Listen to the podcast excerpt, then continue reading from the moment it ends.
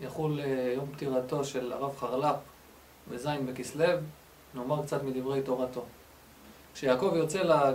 יוצא לחרן, הוא יוצא מבאר שבע, מהבית, מבית הוריו, הבטוח, בורח מפני עשיו, הולך אל הלא נודע, אל לבן. יש בזה ירידה מסוימת. אחרי שיעקב קיבל את הברכות, עכשיו לרדת לגלות, יש בזה ירידה ותחושה נפשית קשה. אומר לנו הרב חרלה, יחד עם העליות באות גם הירידות. שכן הירידות מענפי העליות הנה. האסון הוא רק כשנפסק הסולם, אבל בזמן שהסולם שלם והעליות והירידות משולבות יחד, אז גם הירידות אינן מזיקות, ושתיהן כאחת מביאות את התועלת.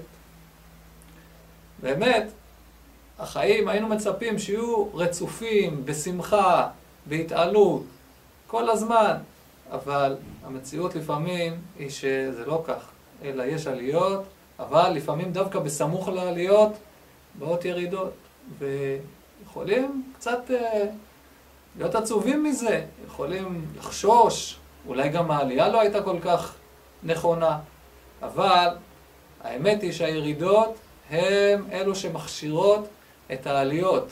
דווקא בזמן שהאדם אולי קצת בירידה, הוא מתבונן, מחשב את הדרך, מחשב את המסלול, ובזכות זה ממשיך וממשיך לעלות. האמת שזה גם במישור הפרטי, אבל גם במישור הכללי.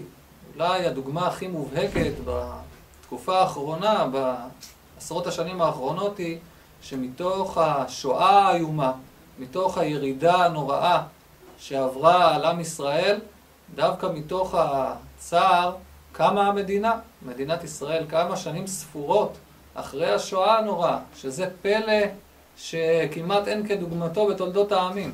דווקא מתוך הירידה הגיעה העלייה. אם כך, כמו שבמישור הפרטי, כך במישור הכללי, נתחזק, ולמרות שיש לפעמים קו שהוא לא רצוף, אלא לפעמים גם ירידה.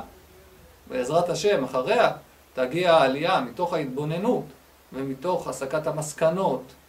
תגיע העלייה הגדולה בעזרת השם. שבת שלום.